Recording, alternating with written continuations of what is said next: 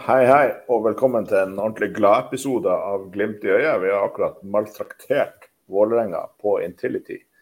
Eh, og med å, i tillegg til meg i studio, så har vi han Aleksander, han Raimond og han Tom. Eh, du kan jo begynne, Aleksander. Du var jo den eneste av oss som faktisk var på Intility og så kampen live.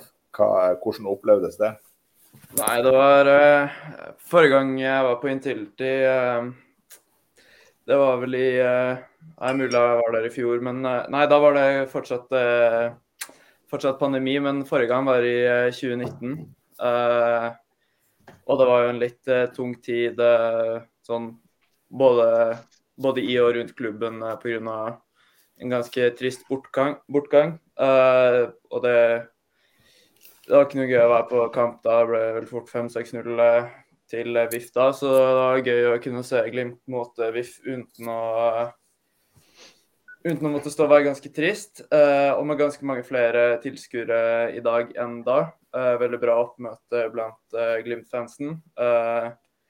og veldig bra, veldig bra, kamp for Glimt sin del. nå settes jo premissene for kampen ganske tidlig med tanke på at Glimt Eller med at Sjøeng blir utvist etter ja, si et kvarter. Uh, at Glimt da kan spille, spille, med en mann mer. Men uh, det de leverer er sinnssykt bra egentlig hele veien. Uh, vi får bare veldig små, korte perioder hvor, hvor, hvor de spiller bra. Så er veldig bra kamp av veldig mange. kan bare si det med en gang. Jeg syns Bris var jævlig god. Og det var flere som, flere som utpekte seg. Så eh, i dag var det gøy å være Glimt-fan. Uh, og jeg tror det var gøy å være Glimt-spiller òg, for uh, det så ut som de koste seg der ute. og Fikk jo ganske tidlig en uh, relativt komfortabel ledelse, så jeg tror flere kunne slippe skuldrene litt løs og, og egentlig bare ha det gøy utpå der. Ikke sant. Andre, hva, dere, hva du sier Tom? Hvordan opplevde du kampen? Nei, altså, jeg tror ikke det hadde blitt 6-0 hvis det hadde blitt 11 mot 11. Men jeg tror, det, jeg tror vi hadde vunnet den kampen. Vi hadde vunnet 3-0. kan jeg tenke meg til. Um, jeg syns vi hadde kontroll helt fra, helt fra, scratch. altså Det var ikke noe problem i det hele tatt. Det, var, det så ut som de, de var ekstra skjerpa, syns jeg. Jeg syns det gikk veldig trått til å begynne med. Det så nesten ut som sånn gåfotball som de driver på med. Jeg har en kompis på, som driver på med gåfotball i Vålerenga. Det så nesten ut som det var det de holdt på med. Men det var, det var kontroll hele veien og det var helt fantastisk. Og det bortefeltet til Glimt, jeg må bare få lov å si at det er helt sjukt. Altså, det er så bra at um, Jeg sa nettopp før vi kom inn her at uh, jeg husker når vi sto åtte stykker på Notodden. og ja, det, det, her er en helt annen verden. Helt fantastisk. Helt, uh, det er rørende, rett og slett. Det må jeg si. Kan du si da at an antallet fans var veldig bra, men mm de som fortjener mest skryt, er de, eh, de som sto fremst og, og, sang og prøvde å få med folk. For uh, skal jeg tippe, så er det en del som var på sin første, første Glimt-kamp i dag. og skulle gjerne vært litt mer volum. For uh, jeg ser mange er ute på mange er ute på Twitter og kriger med VIF-fansen. Det er ikke noe tvil om at VIF har bra, har bra fans uh, som, som, støtter klubben uansett hva, hva stillinga er. De, de skaper et helt annet trykk enn det vi får til i dag. Men mm. supporterkulturen til Glimt er på vei opp. Den blir bedre. Um, og når jeg tenker på bra fans, så tenker jeg på altså, sånn de lager bra, bra, med lyd. Alt, ikke, alt de driver med, er ikke bra. Men eh, vi har en vei å gå, gå også i, i, Glimt hva gjelder å, få med litt mer folk og få til litt mer trykk. For eh, det er bra periodevis, men med tanke på at man først er 1000 tilskuere på kampen, kunne man der kunne man ha lagd litt, litt, mer stemning enn, enn det var. Men eh, det blir bedre for hvert år. så så lenge man møter opp med større bidrag. En plass må man jo begynne. Så eh, ja. jeg, tenker, altså, jeg, tenker, jo eh, Vi må jo bare berømme de som kommer på kamp. Uh, og det her er jo, Selv om det ropes til Aspmyra, så er det jo ikke det. Uh, det er sikkert mange der som du sier som er førstereise og kanskje ikke har vært på så mye. Og, og ikke sant, så må vi se på den linja som har gått ifra at det sto ei bitte lita gruppe der. ikke sant? Så det, det, må få lov til å vokse igjen en naturlig, en naturlig hastighet. det der. Og, og, jeg vet ikke om det stemmer det, det kommentatoren sa på, på under sendinga, men han sa at allerede på 3-0 så begynte folk å, å, Det var grupper som begynte å forlate stadion. ut av Vålerenga-supportere. Ja, det var, det, var, det var, få som gikk. Det var mer på 5 og 6-0 de dro, men uh, nå tenkte jeg mest på de som står på østblokka og, og synger og lager litt uh, lyd. De, uh, de, fleste der ble i hvert fall stående og lagde bra, bra med trykk. Men ja, det var, det var en del som dro, det var det. Men det gjør, jo, det gjør jo selvfølgelig vondt innerst inni sjela å si det, men klanen er jo selvfølgelig mye, mye mye bedre. Men de har holdt på en stund, ja, og de, jo, eh, de, skal jo ha skryt for det livet de klarer å holde, selv når de ligger under med 6-0. Altså. Jeg syns jo det er fantastisk. Men eh, det er jo som Kjell Knutsen sa, at eh, Bodø-Glimt-supporterne har en mer, en mer positiv vinkling i det å støtte laget sitt. Skulle altså, ha sett hvordan skulle ha sett hvordan Aspmyra så ut hvis det var én million som bodde i Stor-Bodø og omegn. Da tror jeg klanen hadde, ikke hadde hatt så mye å stille opp med, for å være helt ærlig. Så man kommer jo aldri utenom det. Så, men all ære til alle supportere som lager bra liv på fotballkamper. Altså. Eh, bare, bare, for å skyte litt inn det her om, om, kampen, da. Så for, for, min del så ser jeg jo et Glimt som, som ikke har hatt eh, pause siden Arsenal-kampen. De fortsetter i akkurat samme sporet. Og nå ser vi den kvaliteten som, som var i Arsenal-kampen, hva den gjør mot et eliteseriemotstand. Mm. Og det er greit. Det er greit eh, Vålerenga får en mann utvist og spiller litt sånn hasardiøst i forhold til at det er man mindre, men det er vel en av de bedre andekeeperne i, i Eliteserien. Ikke den beste, men Ros Rossbakk er ingen dårlig keeper som kommer inn. Det er klart De mista jo en mann, men but still, Glimt, Glimt hadde vunnet det her stort uansett. De var de var enorme i dag. Det tror jeg også. og Før det, frem til det røde kortet så hadde vel Glimt 75 ballinnehav, eller noe sånt, så de dominerte jo kampen allerede. Det er jo ikke sikkert at, eh, at de hadde rent inn så mange mål, eller det hadde de jo sannsynligvis ikke, men, men, jeg er ganske overbevist om at Glimt hadde vunnet. Men bare sånn for å avslutte det her eh, supportergreia. Jeg tenker jo at altså, jeg synes det var veldig imponerende. Dessverre så kom jeg ikke på kamp. Jeg prøvde lenge å få ordna barnevakt og levere til svømming og sånne type ting, men det, det, det vil seg ikke. Så det ble TV-kamp denne gangen. Og sett fra TV så var jo det som Glimt i sør og Glimt-fansen produserte, kjempebra. Og da tenker jeg ikke bare på lyd, men hver gang de filma det, så så det ut som det var liv på absolutt hele feltet der. Så selv om det ikke var det, så så det sånn ut på, på, TV. Så tenker jeg at det er veldig flott at det er plass til begge deler. Både de som er på sin første kamp og er litt stille, og de som står fremst og, og lager masse lyd.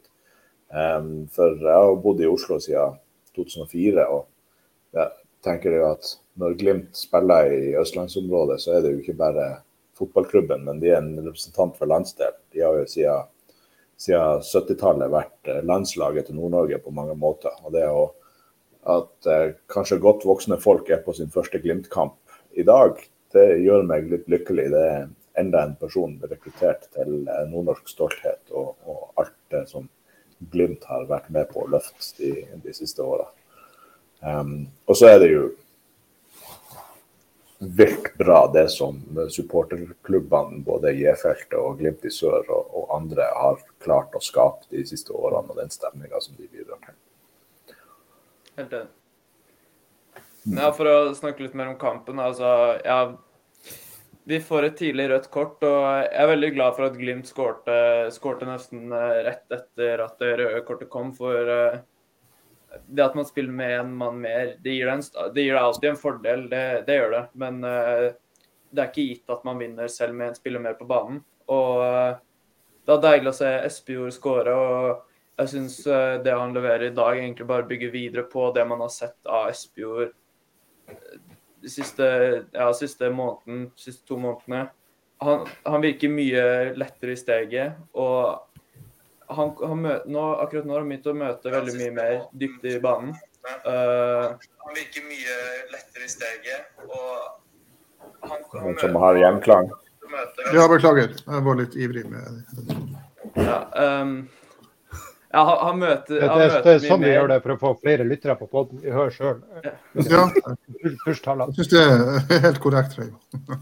yes, kjør, Alexander. Han møter mye dypere i banen, og det er veldig ofte han klarer å få, få ballen lagt ned gjennom å bruke bryst, eh, brystet, og så gir han fra seg ballen med en gang, så er, setter han snuta rett mot mål. og, og, er aggressiv på å komme seg i god posisjon. Han har blitt sykt mye bedre i link-up-spillet, og han virker generelt mye farligere. altså I presspillet greit nok, men altså, han bruker i hvert fall kreftene når han skal gjøre det. Han får seg et velfortjent mål i dag. Han, har seg, han får nesten en veldig bra assist i andre omgang, hvor han, han vinner ballen på e, Eller han får ballen på egen banehalvdel og fører den ganske lenge før han slipper til Vettelsen, tror jeg det er, som fort kunne ha funnet på å skåre. Så jeg er veldig fornøyd med utviklingen. Eh, det er vel den som ender i Patrick sitt mål, er det ikke det? Der han jo, har tunnel, tunnelpasning med utsida. Det stemmer. det stemmer. Mm. Um, så jeg, jeg syns man begynner å se mye av det, det vi har håpet på fra Espejord. Og det kan kanskje minne litt om Botheim og utviklingen han hadde, bare at uh, den kom litt uh, tidligere uh, fra Botheim. Der, det, der, begynte man å se det i, om sommeren, mens det har tatt en, en lengre Ja, en, en, god del lengre tid med Espejord. Men fortsetter han sånn her, så, så tror jeg det kan bli Skyt inn der at jeg tenker kanskje at Botheim tror jeg nok var i bedre fysisk form enn hva Espe gjorde. Ja, og han har jo ikke slitt så mye med skader som det Espejord har gjort. Det, det, var en, det, var en, større jobb som skulle gjøres ja. med å få Espejord eh, i god nok form. Men nå, nå, begynner vi å se at han har fått nok kamper. Han står, altså Nå får han spille 70 minutter, vi kan ta han av, han kan få hvile litt ekstra. Og jeg syns vi begynner å se at Espejord har, har visse tendenser, eller har visse ting som gjør at han kan være ganske spennende. og Jeg, jeg gleder meg veldig til å se Espejord neste sesong. Hvis han har en bra offseason nå, så tror jeg det kan bli dritbra neste år. Skyt inn i forhold til det med press. Eh, jeg ser, jo Espejord gjør noen sånne ordentlig solide, lange løp for å, for å liksom låse av eh, at ikke de skal få lov til å, å flytte opp. F.eks. etter klarering for Glimt, så, så, gjør han en enorm jobb med, med å presse spilleren, sånn at ikke de får, får ballen tidlig tilbake igjen, og, og dermed får etablert et nytt angrep på Vålerenga. Uh, og så legger jeg merke til en ting som jeg syns er veldig interessant i dag. for at det En ting jeg har sett Glimt har slitt med, det er at uh, Espejord eller Salvesen ofte går i press, og så blir han bare spilt veldig lett av. Uh, Midtbanen til motstander faller ned, og, og, og, blir, og, så har de spilt forbi et ledd. I dag så, så jeg at uh, det var Solbakken som Om det er Solbakken sin fortjeneste eller Knutsen sin, jeg tipper det sistnevnte. Men at det var Solbakken som hele tida gikk i presset på keeper. Sånn at de var nødt til å liksom, spille ut på keeper, nei, på vingen til til, eh, eller backen til Solbakken. da. Eh, og, og, det ble en mye verre vinkel enn å spille rett opp i en møtende midtbanespiller som ikke, ikke, er markert. Eh, og Der så jeg at vi, der, der skapte vi mye brudd, og vi låste de veldig bra av med det. Jeg, jeg, tror det der var et grep som er gjort. Det så såpass tydelig ut at det var et grep fra Knutsen. og at det der, der, vi, der vokste vi veldig på å gjøre det der. Lite endring. Men Audun Bensen stiller et bra spørsmål. I historisk perspektiv, hvor mye flaks hadde vi med Botheim og Junker? To spisser som leverte fra første sekund.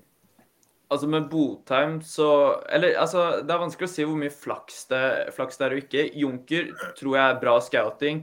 Med, mm. altså Botheim var jo litt mer en flyer hvor oppsiden var ganske høy, og vi, vi måtte ha en spiss. Uh, han var veldig viktig for at Glimt skulle kunne gjøre det bra både i Europa og at de endte opp med å vinne serien. Men de har jo gjort en bra jobb med begge spillerne. Så litt flaks med at de har klart å hente spillerne til klubben, kanskje. Men det er jo mye dyktighet i, eh, blant Glimt-trenerne som gjør at det her har blitt to bra spillere.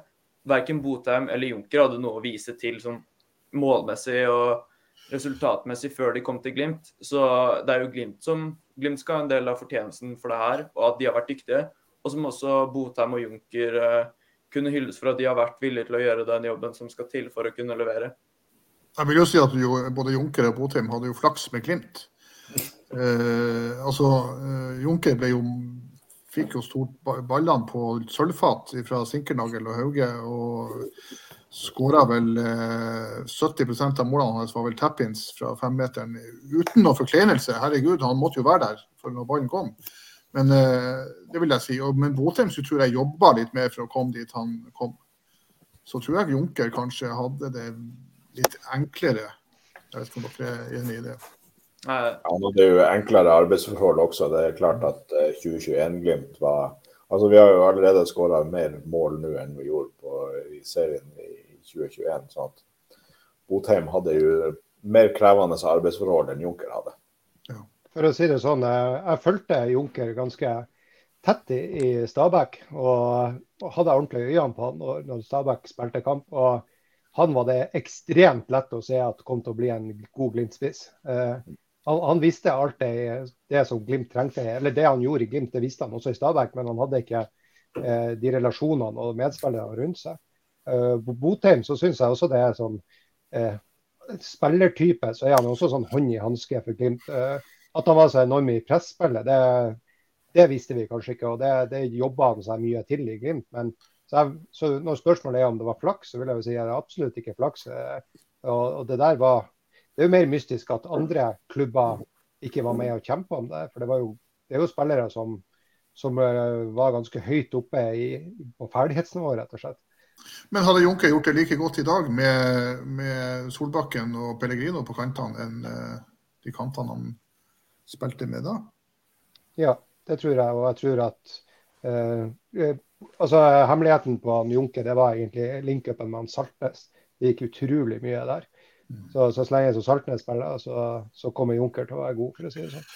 Altså Uansett hvem Junker spilte rundt, så han, altså, han må åpenbart ha vært jævla god, for han har vel 30 39 målpoeng, tror jeg, på 26 kamper.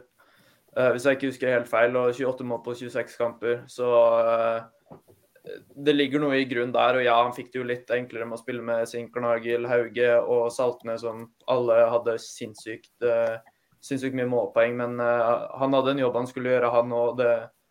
Den gjorde han til gang. Så jeg er sykt god spiller, og trist at han forlot Glimt på en litt stygg måte, men, men, det går bra. Men vi må over på en person som, blir, som er blitt nevnt i bisetning allerede, som Eh, Jørgen eh, Følvik spør om kan vi hylle Pellegrino og gi han livstidskontrakt. Ja, Han må jo først sjøl vil skrive livstidskontrakt. Det er jo det som er på en måte ja. forutsetninga her. Men eh, ja, svaret på det er jo selvfølgelig ja. Han har jo vært et, et aktivum fra dag én, vil jeg påstå. Han har vært helt fantastisk. Junker skåra 28. Tror dere han kan nå det? Hva han er på nå? 23. 23. Ja, han kan nå det, for det er jo ofte han putter både to og tre mål hver kamp. Han kunne jo fort ha skåret enda et, så jeg kommer ikke til å si nei til det. Men uh, jeg tror fort han kommer til å ende litt under det. Jeg ville ha tippa 26 mål hvis jeg skulle ha satt penger på noe nå, men uh, ja, Vi har jo noen dårlige lag igjen. Vi har noen dårlige lag igjen, da, Rosenborg og Ja, han skåra sikkert hat trick mot Rosenborg, den er jo bankers, men hva, hva men vi kan jo allerede gratulere med at han på ganske kort tid er uh, en av Glimts uh, aller mest skårende spillere gjennom uh, tidene. Tror han er oppe i enten 38 eller 39 mål nå. Og inne på topp 10 fra sent 70-tall og til nå. Så det er imponerende for en som har vært i klubben i ja, 16-17 måneder. Ja, og så føler jeg jo at det er en slags rettferdighet av at uh, det var en av de få tingene jeg hadde dårlig samvittighet uh, for etter 2020-sesongen, var at Pellegrino ikke fikk toppskårertittel. Og, uh, og nå får han jo det. Så, så, det er jo fint. Til syv i odds, så det er bare å takke Norsk Tipping. Han hadde jo fått et mål til i dag hvis ikke Saggi hadde vært så feig at han ikke blåste straffe på, i første omgang. Ja dro jeg fram kalkulatoren her, og han har skåra Ja, definitivt. Ja, ja, ja. Han har skåra hvert uh, 70. minutt i snitt ut ifra antall spilleminutter, ikke antall kamper. Uh, så han ligger faktisk an på skjema til å få 28 mål hvis han fortsetter snittet han har nå. Ja. Ja, det hadde vært kult. Det, men la oss, ta, la oss, ta, den straffa, da. Ja. Eh, jeg skjønner ikke helt at det der ikke dømmes på. Uh, utrolig Jeg vet ikke om det er Bris som slår det, er faktisk nok en god pasning i den kampen der.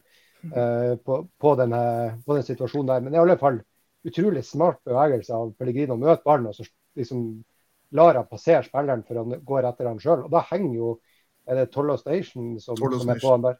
Så mm. Foten hans henger og går rett i leggen han til Pellegrino. Så han, er, han blir, altså han blir hindra. Han blir halvveis sparka ned, egentlig. Det er ikke snakk om å oppsøke eller noe som helst. Det er, det er soleklar straffe. Og Det er jo direkte feikt av dommeren. Eh, dette kommer jo etter det røde kortet og etter masse kalabalik, og så tør han ikke da å dømme straffe på, på den tiden. Ja, men da hadde han det har, jeg tror ikke det røde kortet og straffen har noen sammenheng. Hadde det vært straffe, så tror jeg fort han hadde gitt gult kort. Uh, så når han gir rødt kort, så er vel premisset for det at han tror det skjer utenfor uh, 16-meteren. Snakker vi om to forskjellige situasjoner nå? Ja, det tror jeg vi gjør. Ja, Det snakker vi ikke om der hvor Glimt ikke fikk straffe, men uh, keeperen til vi nei. fikk rødt kort. Nei, nei, nei da beklager jeg. Den er, den er utafor. Det, det, her var et, et, et flatt legg som kom fra venstresida på, nesten på spissen av femmeteren, hvor Pellegrino liksom går i en bevegelse mot uh, Tolos Nation, og så slipper han, slipper ballen forbi og tar han med seg. og så blir han... Den husker jeg, og den skjønte, Da skjønte jeg ikke hvorfor Pellegrino ikke fikk uh, gult kort, egentlig, hvis uh, han uh, tolka det som uh, film. Nei, han er, han er helt, helt, klar på det, ikke soft contact. Ah, det, det, det, er feil, rett og slett. Ja, ok. Ja, men Det er deilig, deilig at Saggi dømmer en kamp uten å være direkte utslagsgivende. Altså, det røde kortet var helt riktig, og, og Glimt uh, fiksa biffen selv. Det, selv om han igjen klarer Men hadde det vært en jevn kamp, så kunne den straffen ha blitt utslagsgivende. Det var jo fordi at Glimt maltrakterte Vålerenga at, uh, at, han uh, slapp unna den. Jeg har et spørsmål til dere. Uh, på de siste tre kampene så har Glimt 14-2 i målforskjell. Mot, eh, også mot gode lag her. Så, eller veldig gode, gode lag som, som, driver og kjemper om, om medaljer også. Eh, så er spørsmålet En tanke jeg har gjort meg, hjalp det å miste gullet? Hjalp til å, For at vi tapte mot Molde, og så ble vi eh, og, så tappte, og etter det så hadde vi en energiløs kamp mot uh, Tromsø. Og så var det jo et, denne kampen mot Haugesund, var det ikke etter det? Etter det så har det jo Glimt snudd ordentlig om. og det er akkurat så det, altså det, For meg så ser det ut som det har skjedd noe med mentaliteten i gruppene etter det her. Kanskje ja, det hjalp har... å ikke ha det presset?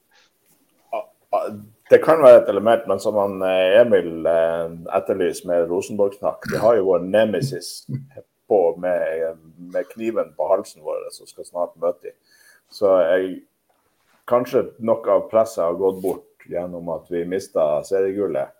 Men eh, jeg tror det Samtidig så er det jo nok brann i magen til alle sammen til at de har Det er vel ingen som har puls, som har noe med Glimt å gjøre, som ikke vil havne over Rosenborg på tabellen. Er det det?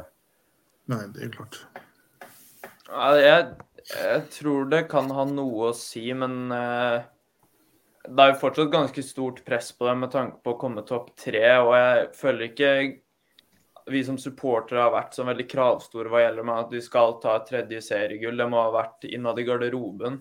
Uh, jeg vil nesten si at det er større press på dem, eller at det har vært et større press på dem de siste kampene med å vinne for å klare topp tre og sikre ny europaplass med tanke på alle pengene de har brukt på, brukt på spillere. Så det kan, ha, det kan, være en faktor at de nå tør å slippe, altså slippe seg litt mer løs, men jeg vil fortsatt si at de spiller med ganske mye press på seg. Uh, om å komme topp tre. sånn, så litt sånn som i poker, never chase lost money. ikke sant? At, du, at når de er kommet bak eh, nei, Molde såpass langt som de hadde, og liksom skal Kanskje de følte et press på at liksom, nå må vi på en måte, nå har vi ikke råd å tape. Nå er det liksom hele tida at det var at det, taper vi nå, så, så ryker det. ikke sant? Og, og, der er vi jo på en måte ikke nå. Ja, det er et press, men det er jo heller ikke sånn at altså Vi har jo råd å tape en kamp, kanskje. For at uh, det er jo like stor, ja, Nå har vi råd til å tape en kamp.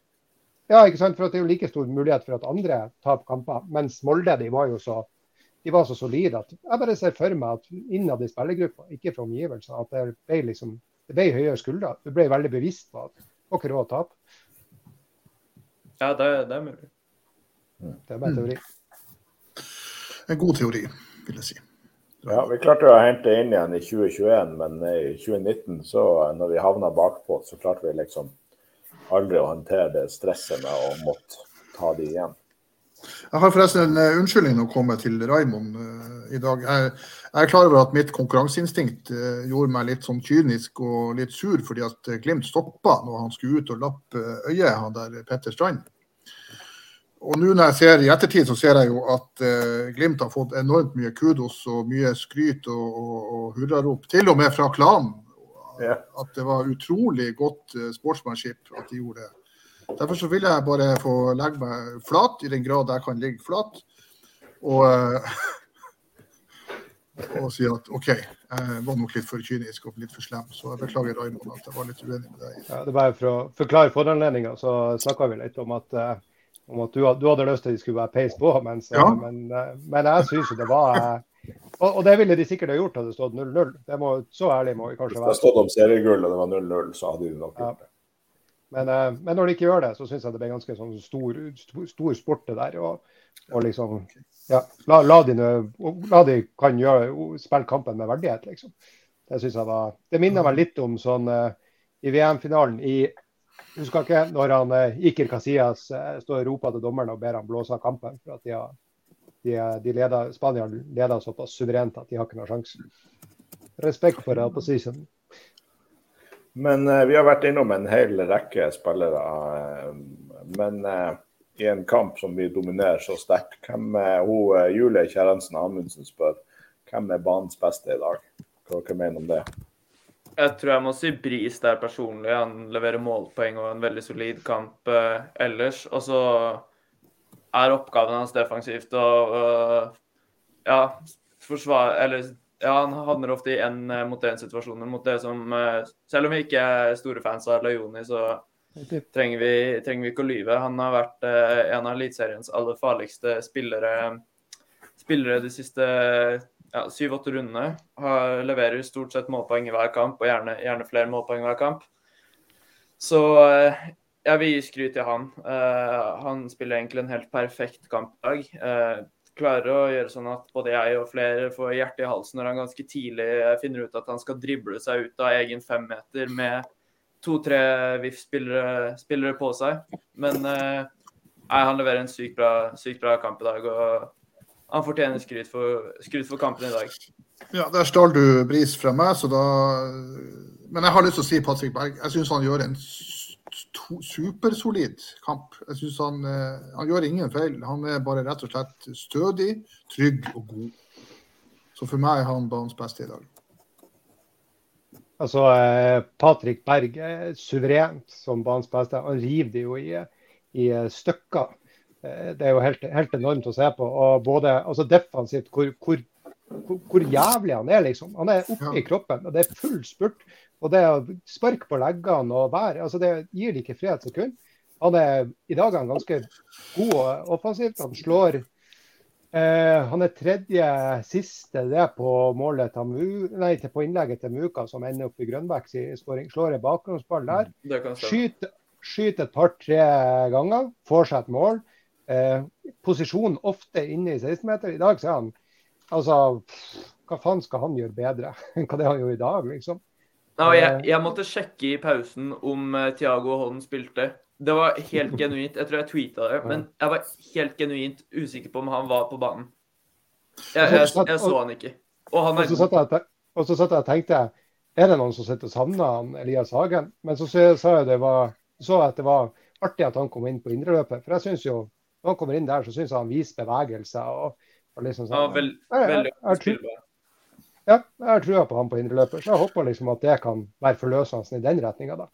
Men er Patrick blitt enda en smule tøffere i, i nærkampene etter at han kom tilbake fra Frankrike? Jeg syns han var enda hardere og tøffere i, i, i, nærkampene i dag enn eh, han var før han dro til Frankrike. Er det noen som er enig i det? Han var helt rå i dag og hadde flere situasjoner hvor han hjalp samstød med Sarawi, som, mm. som er en håndfull for absolutt alle. Og, nei, han, han, har blitt, uh, han er veldig fysisk av seg. og og jeg, ja, han er ekkel å møte i dueller. Han er, også, det var en ting jeg la merke til Saroi. Uh, for han hadde på en måte knekt koden her for kanskje en fire-fem-seks serierunder siden. Fra bare for å springe i ring og ikke, ikke utrette så veldig mye målpoeng, så plutselig så, uh, så var han kjempefarlig. Og som du så har han fått bare mageplask igjen på prestasjon.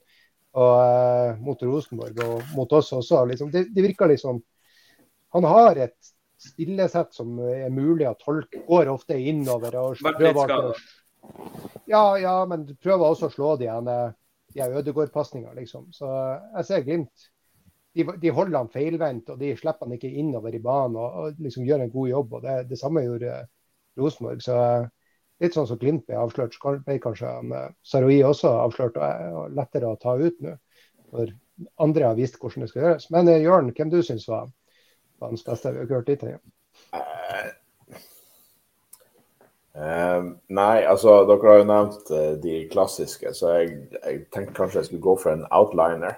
Um, jeg var tenkt nevne Jeg, jeg vet ikke om jeg kan si at, si at han var banens beste, men han uh, Johan Anders Paulsen nevner at han nevner Solbakken, sier at han var gigantisk i dag. Solbakken var god. Men er det noe Det er et eller annet med Glimt som funker veldig bra når vi har Solbakken på høyre. Det er tydelig at han får maskineriet til å funke på en, på en veldig bra måte. Jeg, jeg tror at Muka kan bli årets spiller i 2023.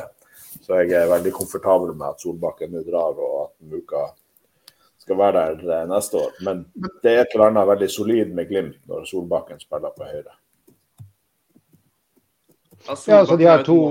Han er jo så rask, og så er han rundt 1,90 høy og ganske fysisk av seg. Og veldig uforutsigbar òg. Han liker å gå mot linja og også ganske glad i å trekke inn i banen. Så Solbakken er jo et mareritt å spille mot. og har Muka har en del å gå på fysisk for å, for å, være litt i nærheten av Solbakken, men eh, ja, Muka kommer til å bli bra nå. Men Solbakken har igjen to, mål, to til han Pellegrino, som, som liksom, det er en ting jeg virkelig har savna i Glimt siden ja, 2020-sesongen, egentlig. Det er evnen til å beholde roen når du kommer i en, i en farlig situasjon og være klar over at det kommer til å være to-tre stykker som skal blokkere deg. Slipp du han til sides, så står det en man alene. Og Det har han vel gjort og det er to kamper på rad nå, til, eller ta bort Arsenal-kampen, men til Pellegrino. Så det er noe, Jeg syns det der er vakkert å se på, at han har den roen, relasjonene og oversikten som han har der. Altså. Deilig å se hvor glad han ble av å skåre, og at det der betydde noe for ham. Veldig kult. Det var jo et kommentator sa i pausen at eh, det var kommet nok et rykte om at han har signert nå for Roma og var klar, men hvem faen vet.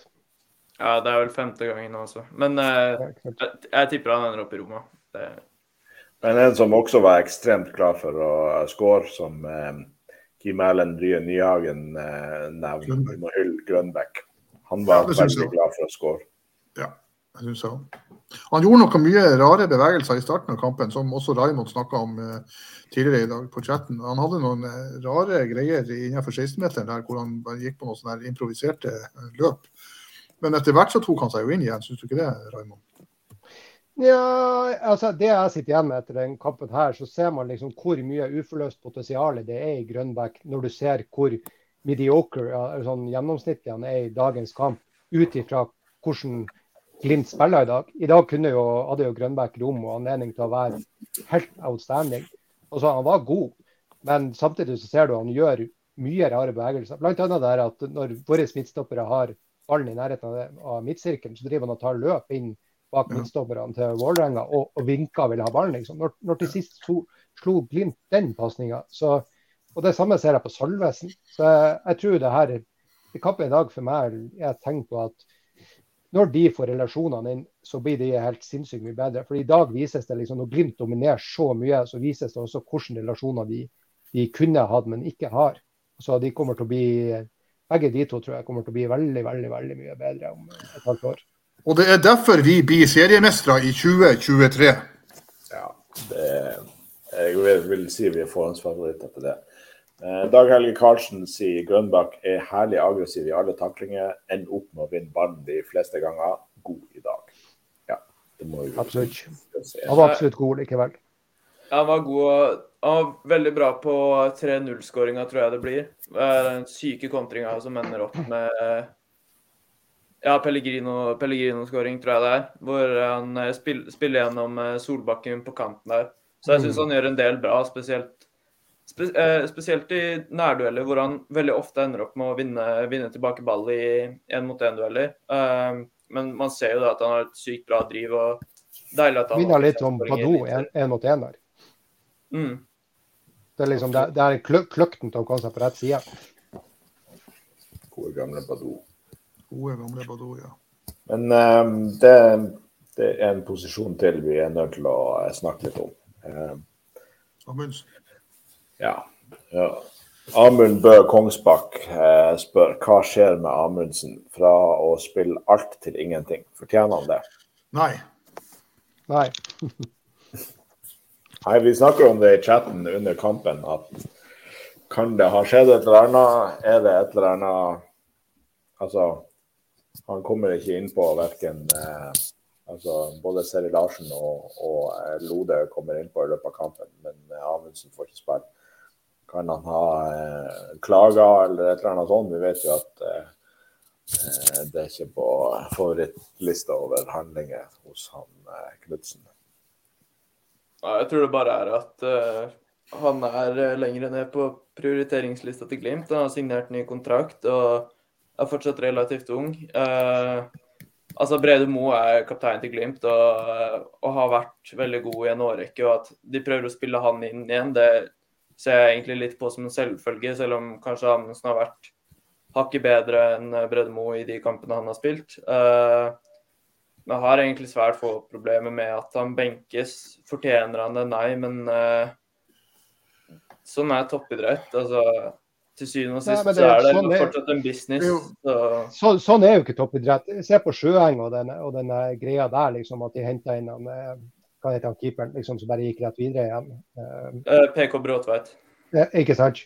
Og da Sjøen kommer inn, og så griper han sjansen. PK Bråtveit er kommet liksom Han er blitt fortalt og du kommer til Vålerenga, du blir satsa på som første Men det er, det er jo ikke likt. Ja, ja det, det, det er helt Det har vært altså, kaptein for Glimt. Ja, men han har jo ikke, han har ikke prestert på altså Han har jo vært OK, men han har ikke vært Brede Mo på sitt beste på et halvt år. Nei, Glimt hadde heller ikke vært Glimt på sitt beste på, på ganske lenge. Altså, man, man kan trekke noen relasjoner, men men jeg, jeg, har fortsatt tro på at Brede Mo kan spille seg opp på ganske, ganske nært det som tidligere har vært toppnivået hans. Uh, Helste Amundsen har noen mangler som gjør at jeg aldri tror han kommer til å bli helt sinnssykt god, men han burde absolutt ha fått spille. og Jeg satt og håp, sto og håpet på at, uh, at han skulle bli bytta inn. Men uh, men hva du han, tenker på når du sier at han har noen mangler? Er det fart, f.eks.? Altså, han er jo ja, veldig god til altså, å gå fremover i banen. Sånn at, han ikke får, ja, at han ikke får spille i Europa, syns jeg er helt greit. Uh, og det der med at han er bra til å gå gjennom ledd, det, det, er absolutt en styrke, men det kan også være en svakhet. For uh, nå husker jeg ikke akkurat hvilken kamp det var, men uh, det var en kamp hvor vi ble straffa knallhardt over at Det var kanskje Molde. knallhardt over at han skal gå gjennom flere ledd, ender opp med å miste ballen, og så er det ganske ganske motorvei eh, frem mot uh, Haiken og målet til Glimt. Uh, jeg håper han får mer spilletid fremover. Jeg håper de satser, satser, mer på han, eller satser på han i større grad enn de har gjort til nå. Men at han skal være så sykt mye bedre enn Høybråten, Mo, Lode, at, at man skal klage hver gang de starter foran han. Mm. Nei, men altså, ikke helt med på det. Men, jeg, men han har ikke spilt seg ut av startoppstillinga. Det, det, er jo litt av problemet. Men jeg har, jeg har, virkelig ikke noen problemer med det, og spesielt i Euroleague. Men det er jo sånn, Knutsen har jo alltid sagt i intervjuer på TV og avis og sånn, ikke sant? Vi, vi, må ha spillere i forsvaret til Glimt som, som tør å, å, å prøve. Ikke sant? Og når du tør å prøve, så, så må det mislykkes også. Så blir det som Knutsen også sier, det blir læring ut av det. da. Eh, det er helt sant som du sier at Amundsen har hatt enkelte sånne eh, Jeg vil ikke kalle det hjerneblødninger, men at han har trukket det litt for langt Han, han har ført gjennom ledd. Mista ballen. Eh, men samtidig så har han gjort det ganske mange ganger hvor det har blitt store målsjanser og mål. Der han har vært både Han har vært hvert andre sist, men han har vært tredje sist en del ganger på ballen. Så, og, og, og, det må man jo se opp imot hverandre. da. Problemet mitt, Det største problemet mitt egentlig det går på den hvordan kommunikasjon sender du ut til de som, alle de som er i Glimt som ikke spiller i førsteelveren, når du har kommet inn på laget, griper sjansen, presterer veldig godt. Og så når Brede Mo kommer tilbake, så er skadefri, så får han bare gå rett inn på laget. Og hadde Brede Mo da kommet inn på laget, og så kunne jeg sittet og vært uenig i at han ikke burde komme inn. Men når han kommer inn, så kan man si at ja, her ser man hvorfor han Brede Mo er tilbake på laget. For at han er så ufattelig mye bedre. Eh, eller eventuelt har en rask progresjon. Da. Men eh, Brede Moe har ikke det. å ære være Brede Moe kan jo være dritgod om 14 eh, dager eller en måned. Men akkurat nå så syns jeg det er litt sånn unfair. fordi at Amundsen trenger jo eh, Ja, han er ung, men da trenger han jo også kamper for å bli bedre. Og jeg syns jo han er på et veldig høyt nivå allerede. og hadde han eller så hadde han spilla, så hadde han utvikla seg. OK, kanskje ikke i europakampene. Kanskje, det, kanskje man skal la de begivenhetene komme etter hvert. Men uh, at han ikke blir bytta inn engang. Altså det, det bare ser kjemperart ut. Men uh, når vi vet hvor tett Glimt er på skader, så hvem vet, kanskje han har noe, litt noen skader som vi ikke vet om. Logikken ser jeg i hvert fall ikke. Nei, altså hvis han er eh, ja, si 95 eller bedre, så hadde jeg håpet på at han skulle Eller så hadde det virkelig vært eh, bra om han, om han kom inn en dag. For nå har jo Loda spilt en del i det siste, og det hadde ikke gjort noe om f.eks. han kunne hvile i 90 minutter og, og Amundsen kunne fått seg en halvtime. Men uh, det generelle problemet med at han ikke start, starter hele tiden, det, det, har jeg ikke. Selv om han egentlig ikke har gjort noe som tilsier at, tilsier at han ikke skulle gjøre det, så tror jeg fortsatt han egentlig er Glimts fjerde beste stopper. Og... Men det har jo noe med signalene Kjell Knutsen sender til spillerne sine. Og nå når du sier Lode, så syns jeg jo det er rart at ikke han starta i dag. Fordi han har jo virkelig begynt å heve seg og blitt bedre siden han kom. Og plutselig så sitter han på benken. Og så kommer det da inn en Brede Mo som ser ut som han er veldig forsiktig og ikke tør å ta de helt store bevegelsene fordi at eh, det skjer et eller annet i hamstringen eller lysken. Og da, og da, skjønner ikke jeg. Og så kommer Serry inn, og Amundsen sitter fortsatt på benken. Og han har gjort en fantastisk jobb på å komme seg dit han kom. Og han var vår beste midtstopper en periode. Og da, at Seri kommer inn, tror dere ikke at han driver og tester han om han kan funke som venstreback, at han skal være fast nummer to på venstreback? Jeg tror det er en blanding av det og at han også egentlig bare må få litt, spill, eh, litt spilletid. For det begynner, det begynner, å bli en stund siden han har spilt mye. altså Han fikk jo noen kamper i eh, mai-juni, men så har han slitt med skader og litt sånn. Men eh, ja, det sender kanskje litt feil signaler, men eh, man kan, altså jeg bruker jo det på en måte som en unnskyldning eh, på vegne av Kjetil Knutsen ganske ofte. Det, det, her kan være Kjetil Knutsen som lærer seg å rotere òg. Ja, på, lo, på, eh, Lode så tror jeg det det handler om. På Lode, da. Det, den, den, kjøper jeg. Mens på Amundsen så, så, sliter jeg mer med å se det, altså det store bildet, for å si det sånn. Det, det er litt nå, spil, uh, nå spilte jo ikke Brede Moe mot, uh, Mo mot Arsenal. Jeg, jeg, tror ikke det var sparing for at han skulle kunne spille mot Vålerenga, men jeg, jeg, tror det her er Kjetil Knutsen som tester ut det å rotere, og, og gradvis lærer seg hvordan han, uh, han, skal gjøre det, og hvordan han kan bli mer effektiv på det. Jeg, Helste Amundsen tror jeg kommer til å spille ganske snart, og jeg blir ikke usikker, eller jeg blir ikke sjokka om han, uh, om han starter hjemme mot Kristiansund om uh, ja, en uke. Ja, det er jo litt sånn, hvis vi skal altså, Jeg tenker det er også et signal til hvis vi signerer talenter hvordan er det å komme seg inn på, i førsteelveren til Glimt? Holder det at du presterer jævlig bra? Nei, du må prestere jævlig bra, og så skal en annen spiller gå ut på dato før du kommer inn igjen. Akkurat det syns jeg er litt sånn merkelig. Det, det, det, er i hvert fall det signalet som jeg tar ut av det som skjer med Amundsen nå. Ja, for Det handler jo ikke bare om de signalene til de spillerne som er i troppen nå. Det handler jo om unge spillere i Norge som kunne være interessert i å komme til Glimt. Ja. Ja, nei, eh, dere har, dere har absolutt poeng. Men uh, nei, det her er noe Kjetil Knutsen må lære seg å, å, prøve og feile. Han har jo begynt å prøve litt nå, nå i det siste, og han har kanskje feila, en del òg. Men uh, jeg tror vi kommer til å se at det her går litt mer på automatikk neste år. Nei, vi, vi dropper den kommentaren her, for det er faktisk noe av det rareste jeg har lest. Hvis ikke Tarjei Rønning Lorentzen sier at han, Amundsen burde heller vært prøvd for uh, spiss. Eh, men eh, kunne ikke Espejord Nei, Amundsen har vært satt på som erstatning til Espejord. Altså, jeg syns Salvesen, Salvesen jobba hardt i dag. Han skåra ikke, men etter Salvesen kom inn, så ja. Eh, og Espejord var jævla god uh, så lenge han spilte. Og siste delen her tar vi ikke, for det er faktisk noe av det sykeste. Men dere, dere, vi slo Vålerenga 6-0 på bortebane i dag. 6-0! I 1992, kan vi jeg få lov å fortelle her. Ja. I 1992, eh, da var jeg relativt uh, ung. Uh, og da var Den siste kampen som massellforvalter i Nordlandshallen uh, for Bodø-Glimt var 16.6.1992. Da spilte jeg mot Vålerenga inne i Nordlandshallen fordi at de drev og la nytt gressteppe på Aspmyra. Gressteppe, Raymond. um, da vant vi 5-0, og treneren til Vålerenga han heter Olle Nordin. I 1990 så var han trener for Sverige i VM i 1990, og der tapte de alle sine tre gruppekamper 1-2. Han ble i Sverige kalt etterpå det for Nulle Nordin.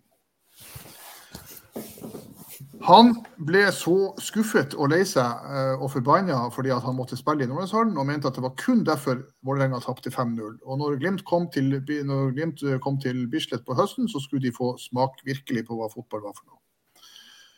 Bodø-Glimt kommer da til Bislett på uh, jeg husker ikke, I september, var det ikke det? Jørn? Det var slutten av sesongen. Ja, ja, slutten av sesongen. Så spiller altså Glimt på nytt igjen ræva av Vålerenga på gressteppet på en relativt dårlig gressmatte på Bislett. Og vinner 3-0 og er klar for opprykk. Og Nulle Nordin har vel aldri sagt så lite som han sa etter den kampen der. Og det syns jeg er litt uh, morsomt å tenke på. Og det som også kan sies, bare sånn uh, Kampen etter at jeg hadde slutta som saftblander i Glimt, så tapte Glimt den eneste kampen den sesongen. Borte mot Rødbakk Frogn, faktisk. Du skulle aldri da, og vi aldri tapt igjen. Nei. Men, uh, det fra, Alexander, jeg vet ikke om det er du som får en sånn dunkelyd når du skriver, eller hva det er for Nei, det var, beklager, det var jeg som dunka i PC-en. okay. Engasjert. Nei, men uh, den uh, bortekampen uh, på, på, Bislett, det, jeg tror det ligger på YouTube, så ligger TV 2-reportasjen fra den kampen. både hvis man, hvis man søker på YouTube, så finner man både målene og intervjuet med Trond Solli etter kampen. For at de, de rykker opp etter den serien. Og yes. Bodø-Glimt er tilbake i Eliteserien for første gang siden 1980. 1980. Eh, eh, og når vi snakker om hvordan signalene eh, Knutsen sendte spillerne sine, så er det jo kjempebra. Han, eh, noen tre minutter etter kamp og intervju med Trond Solli på direkten. Han sier nei, de fleste spillerne våre er ikke gode nok, så det er klart vi skal kvitte oss med mange. Vi skal ha mange ut og mange inn. Han sa det. ja. Men nå skal det jo sies at det var vel ikke alle signalene Trond Solli sendte til sine spillere som var like bra. det var Coaching i verdensklasse, jeg tenker det. But, uh, ja, jeg har vært supermotivert eh, i garderoben etter den kampen. Men han er, han er, den beste treneren jeg har opplevd i en garderobe. i hvert fall. Og jeg har opplevd Oddbjørn Kristoffersen og Jan Muri og Øystein Gaare, Så ja. Han Men seks, altså som du begynte med, Tom, det er jo noe vi bør dvele litt med. for at Selv om det var et tidlig rødt kort, så er jo det altså Vålerenga er en av storhetene i norsk fotball. Og det å vinne 6-0 på Intility, det er en prestasjon. Og vi fikk hevna 6-0-tapet fra 2019, som Alexander starta med. Det er jo, en, er en bra fotballdag. Ja, og det er jo som Mini sier på Twitter, at uh, det er jo ikke pga. det røde kortet at Vålerenga taper 6-0. Det går an å vise litt mer stolthet og profesjonalitet uh, for egen klubb, selv om du får et rødt kort mot deg. Mm. Ja. Vålerenga har, har, jo virkelig vært et, et formlag i det siste og henta inn nye spillere. Strandberg samla ikke og spiller i dag. og liksom både fått skikk på Lajoni og fått inn Børven. og, og det her, Så det, det er definitivt eh, et lag som har heva seg. Eh, og så vil jeg bare svare litt på den kommentaren til det der med Amundsen. Han er jo selvfølgelig ikke noen spiss, men jeg syns jo eh, det er noe som er fint med Amundsen i forhold til han i troppen. at Jeg tror nok han Amundsen kan spille halvparten av posisjonene på, uh, på banen og, og klarer seg OK. Så det er jo en fin sånn Thomas Jacobsen da, i, i, på benken òg. Kan jeg få komme en litt morsom historie til når det gjelder å rokere på spillere som spiller på uvante plasser? I, 19, i 1978 Nå er vi virkelig tilbake i steinalderen. Men i 1978 så ansatte Glimt en nederlender som heter René van Eek. Oddbjørn Soversen hadde da lagt opp som trener, og uh, han gutten her kom da Altså, Han syntes ikke det her med å trene med ball var spesielt viktig. så han, uh, Det er første gangen jeg har sett Glimt-spillere gampe oppover maskinisten. lange løp oppover i skauen og syntes at det var trivelige saker. Men det morsomste var jo det at Ernst Pedersen da ble spiss. Eh, Terje Mørkve eh, spilte da midtstopper. Og jeg tror Jakob Klette jeg tror han, Hvis han hører på nå, så kan han jo eh, bekrefte, men jeg tror han ble satt på en av bekkene, høyre eller venstre. Og det gikk jo rett i dass. Vi lå, vi, etter halvspilt serie så lå Glimt nederst med tre poeng. Uh, Obbe Kristoffersen tok, han fikk jo selvfølgelig sparken. Uh, Obbe Kristoffersen tok over, og vi tok 21 poeng i løpet av høstsesongen. Så de berga seg jo med god margin. Men det var ganske spesiell. Eh, altså Ernst Pedersen som spiss, det funka ikke. Det høres litt ut som Det høres litt ut som når jeg var trener for, uh, for uh, åtteåringene og vi leda 15-0 og jeg prøvde å sette alle på feil plass og den beste spilleren i mål osv. Det er også good sportsmanship. Men uh, det er en spiller vi ikke har snakka om, som Edvard nevnte her, som jeg har lyst til å dra opp. For han tenkte på under kampen i dag. Johan Anders Paulsen nevner at neste år så har vi Sunde, Sondre Brustad Fet tilbake, og da tar vi gull igjen. Han, eh, det er jo som å få det er jo som en ekstra signering å få han tilbake. Det er det, men jeg husker på hvor mye han Altså, jeg kommer jo til å rullere neste år, og uh, vi trenger en bred tropp, men uh, han kommer jo ikke til å være fast sånn som han var før han skada seg. Både håper jeg egentlig og tror jeg. For eh, så lenge Saltnes og spesielt Grønbekk er skadefrie, så, så håper jeg det er den foretrukne midtbanetrioen til Glimt. Um, har, du solgt, uh, har du solgt Hugo nå? Ja, det er jeg. Han blir solgt.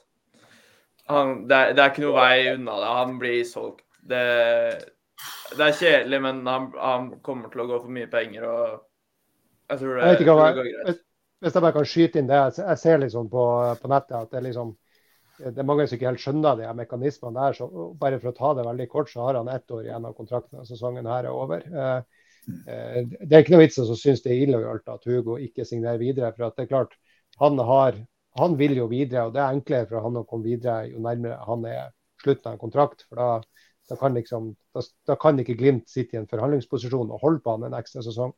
Så, og Hugo har absolutt gjort pliktårene sine i Glimt og utvikla seg, har vært god sportslig. og og blir nok å gi oss en god salgsum òg.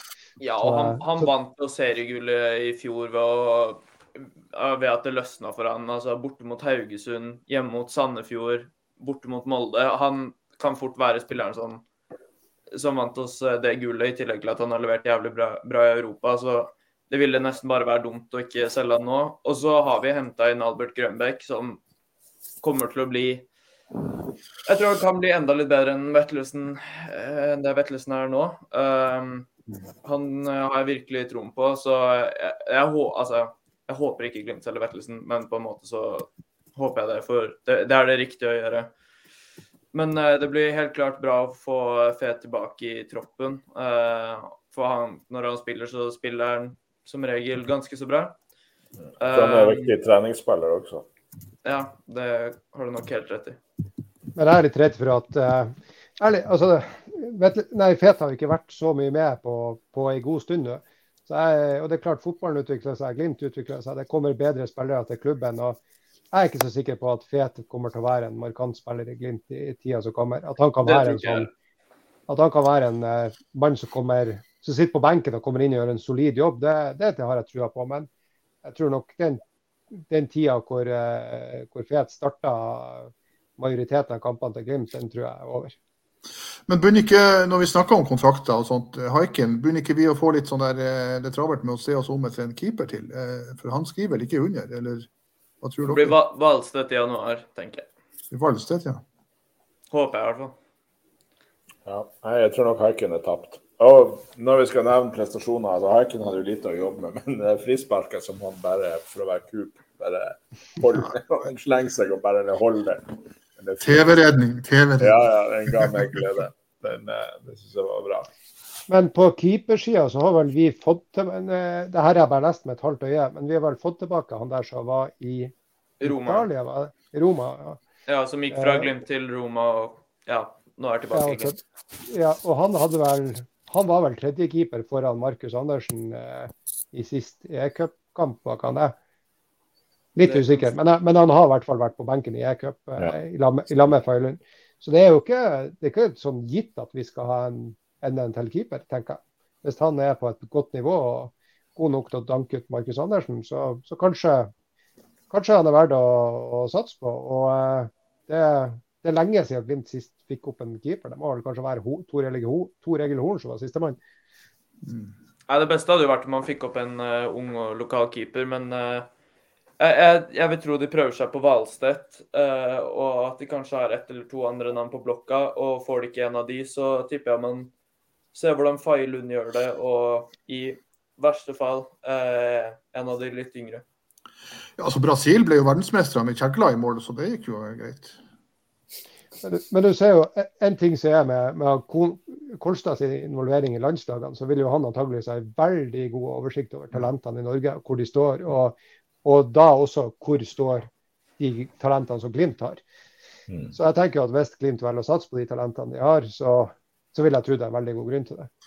Så Samsted, Samsted, da skal vi bare si good riddance og god lykke til videre, eller skal vi få han til å skrive? Jeg så uh, Pellegrino for noen kamper siden, så gjorde han et sånt der skrivetegn til Samsted etter, etter en kamp. Jeg vet ikke hva det var.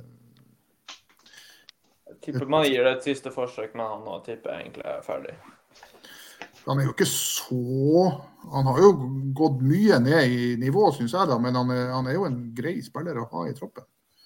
Hvis ikke vi uh, jo, men det å, de, altså, bare de merittene han har fra Glimt, så har han vel kanskje mulighet til å få seg en kontrakt som er langt utover det som han i utgangspunktet skulle kunne klare med de egenskapene han har.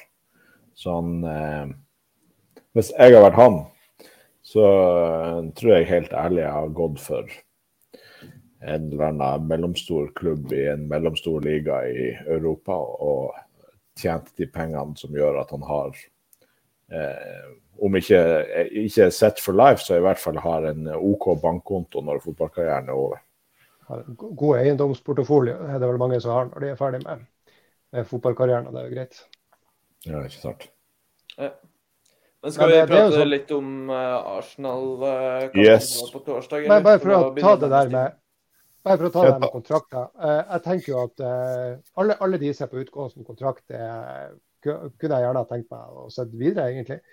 Eh, og så er jeg veldig spent på hvor det går, det her. For de fire kommer sikkert til å forlate. Og så er jeg veldig spent på om et år hvor de står hen. For nå har det vært veldig mange sånne stang ut-overganger. Så jeg er litt spent på fremtida i Glimt. Om det kanskje blir litt Kanskje Glimt er en litt tryggere plass å være om et år. Altså at spillerne ikke går før de At de kan ta seg tida til å finne rette klubben, rett og slett. For, det, for deres eiendel.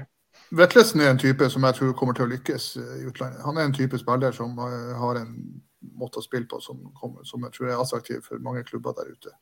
Jeg er mer, mer usikker på Samstedt, f.eks. Absolutt. Alexander, du var på eh, Arsenal-kampen. Det var jeg. Ja, hvordan var det? Uh, nei uh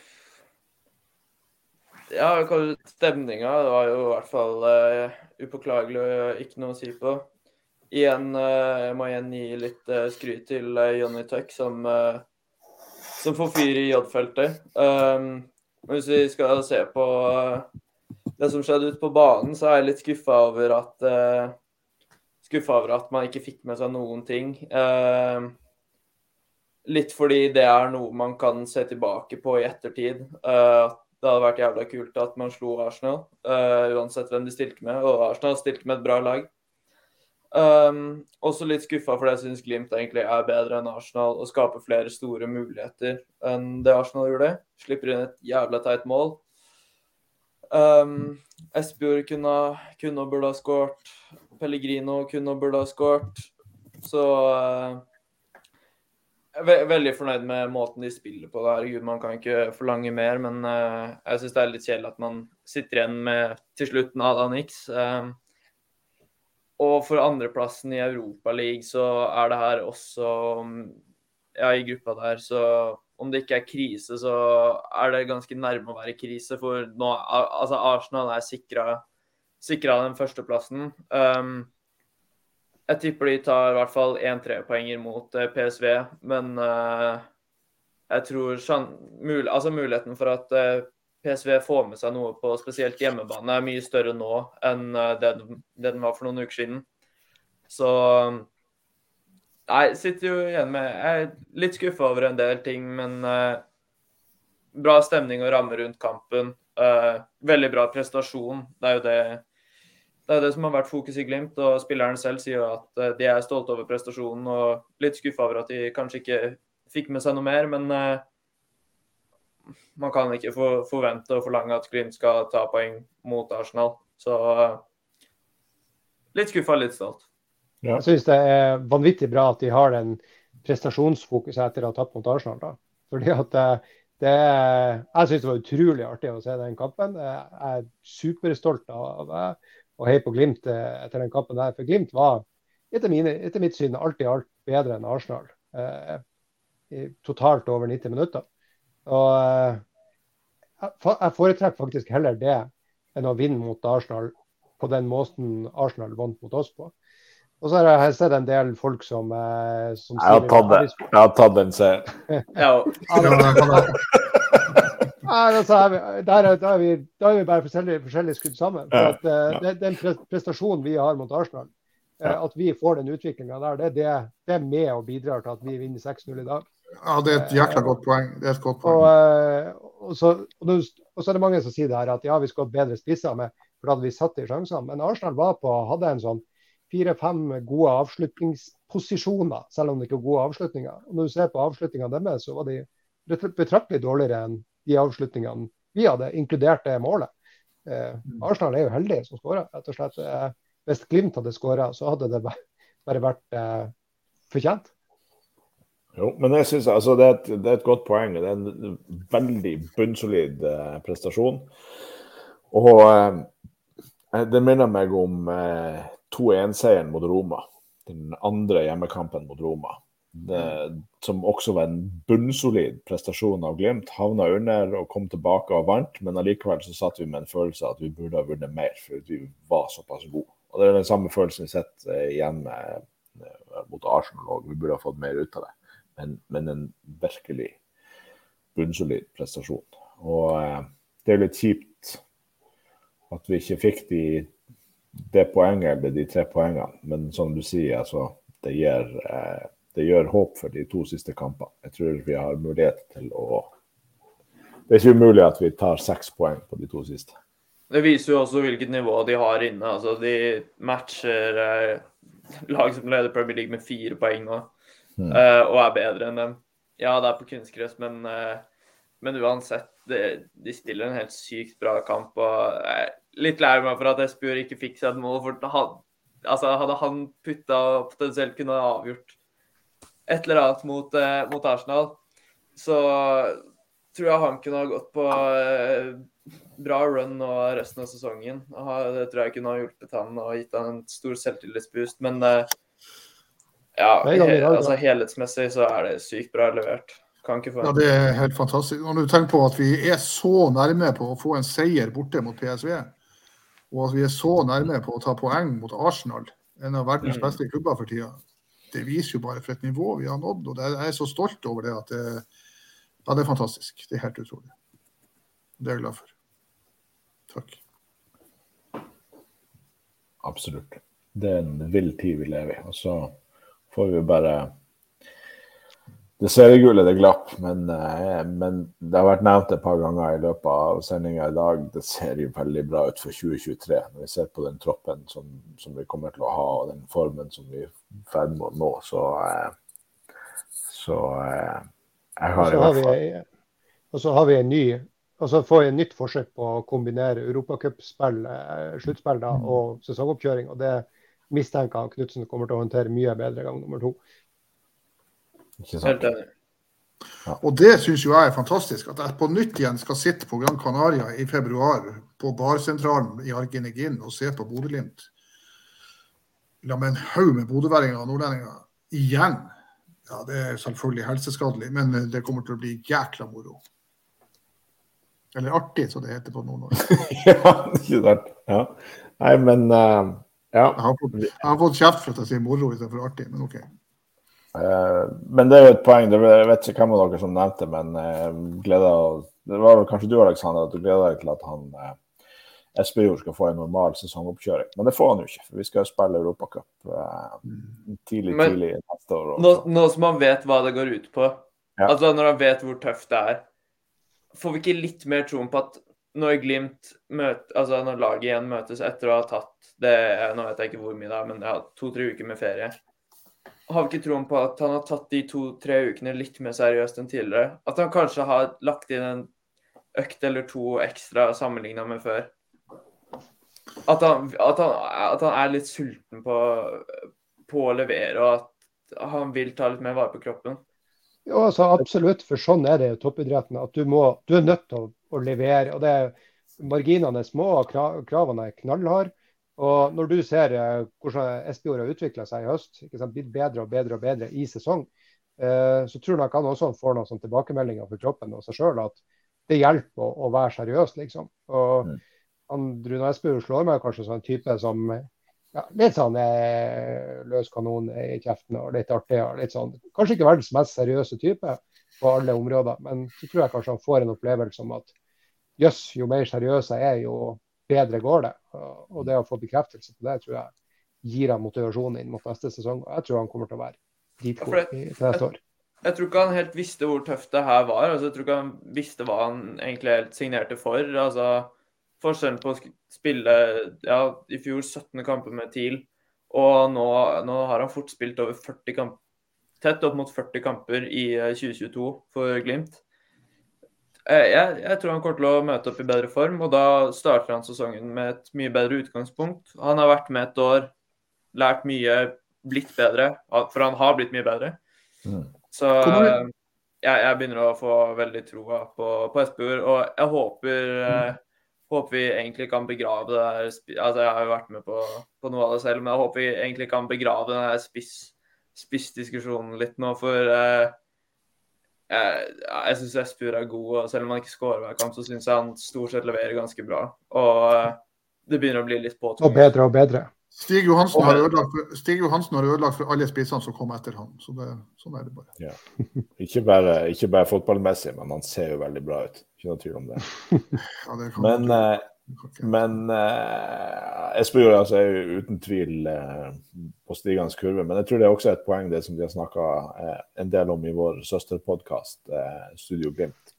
Eh, at det medisinske apparatet til eh, Glimt har eh, fasene inn veldig på en veldig bra måte. At, at han i Tromsø liksom Han spilte kamper så lenge han var i fysisk stand til å spille kamper, så trente han ikke så mye mellom de. At det, de har økt treningsmengden forsiktig og litt etter litt. og Det virker jo som han er i en vesentlig bedre fysisk form nå. og Det tror jeg ikke bare går på, på hans seriøsitet, men også på at eh, klubben har vært veldig flink med å bygge fysikken hans på en bra måte. og det kan jo bare tegne positivt for neste år, at han kommer til å være enda bedre da. Og så tror jeg da også det er litt Det er ofte sånn, føler jeg, med de spillerne som er sånn, liksom gudebenåda. For han har jo et medfødt talent. Det ser du liksom på touchen og på mm. bevegelsene hans og alt det her. At, at uh, man tenker kanskje lenge at det skal være nok, og så kommer man til et punkt i livet der. Og det ser vi jo mange spillere som kommer til Glimt, at liksom det her må bare jobbe hardt og systematisk over tid. Og du får en respons på hva det egentlig gir deg på banen. Så eh, Det blir spennende å følge ham fremover. Og, jeg, tror han, jeg, tror han, blir bra. Alt, er bedre med, alt blir bedre med bart, tror jeg. ja. Nei, men det, det, høres ut som en bra kommentar å gå inn for landing på. Eh, med mindre noen brenner inne med noe viktig de ikke har fått eh, kommunisert i, i, løpet av den litt over timen vi har holdt på. Nei. PM hadde kommet til å ha noe på hjertet, så han var etterspurt i kommentarfeltet. Han eh, litt småsjuk, eh, men kommer sterkere tilbake, og da blir det sikkert litt vanskeligere å avslutte.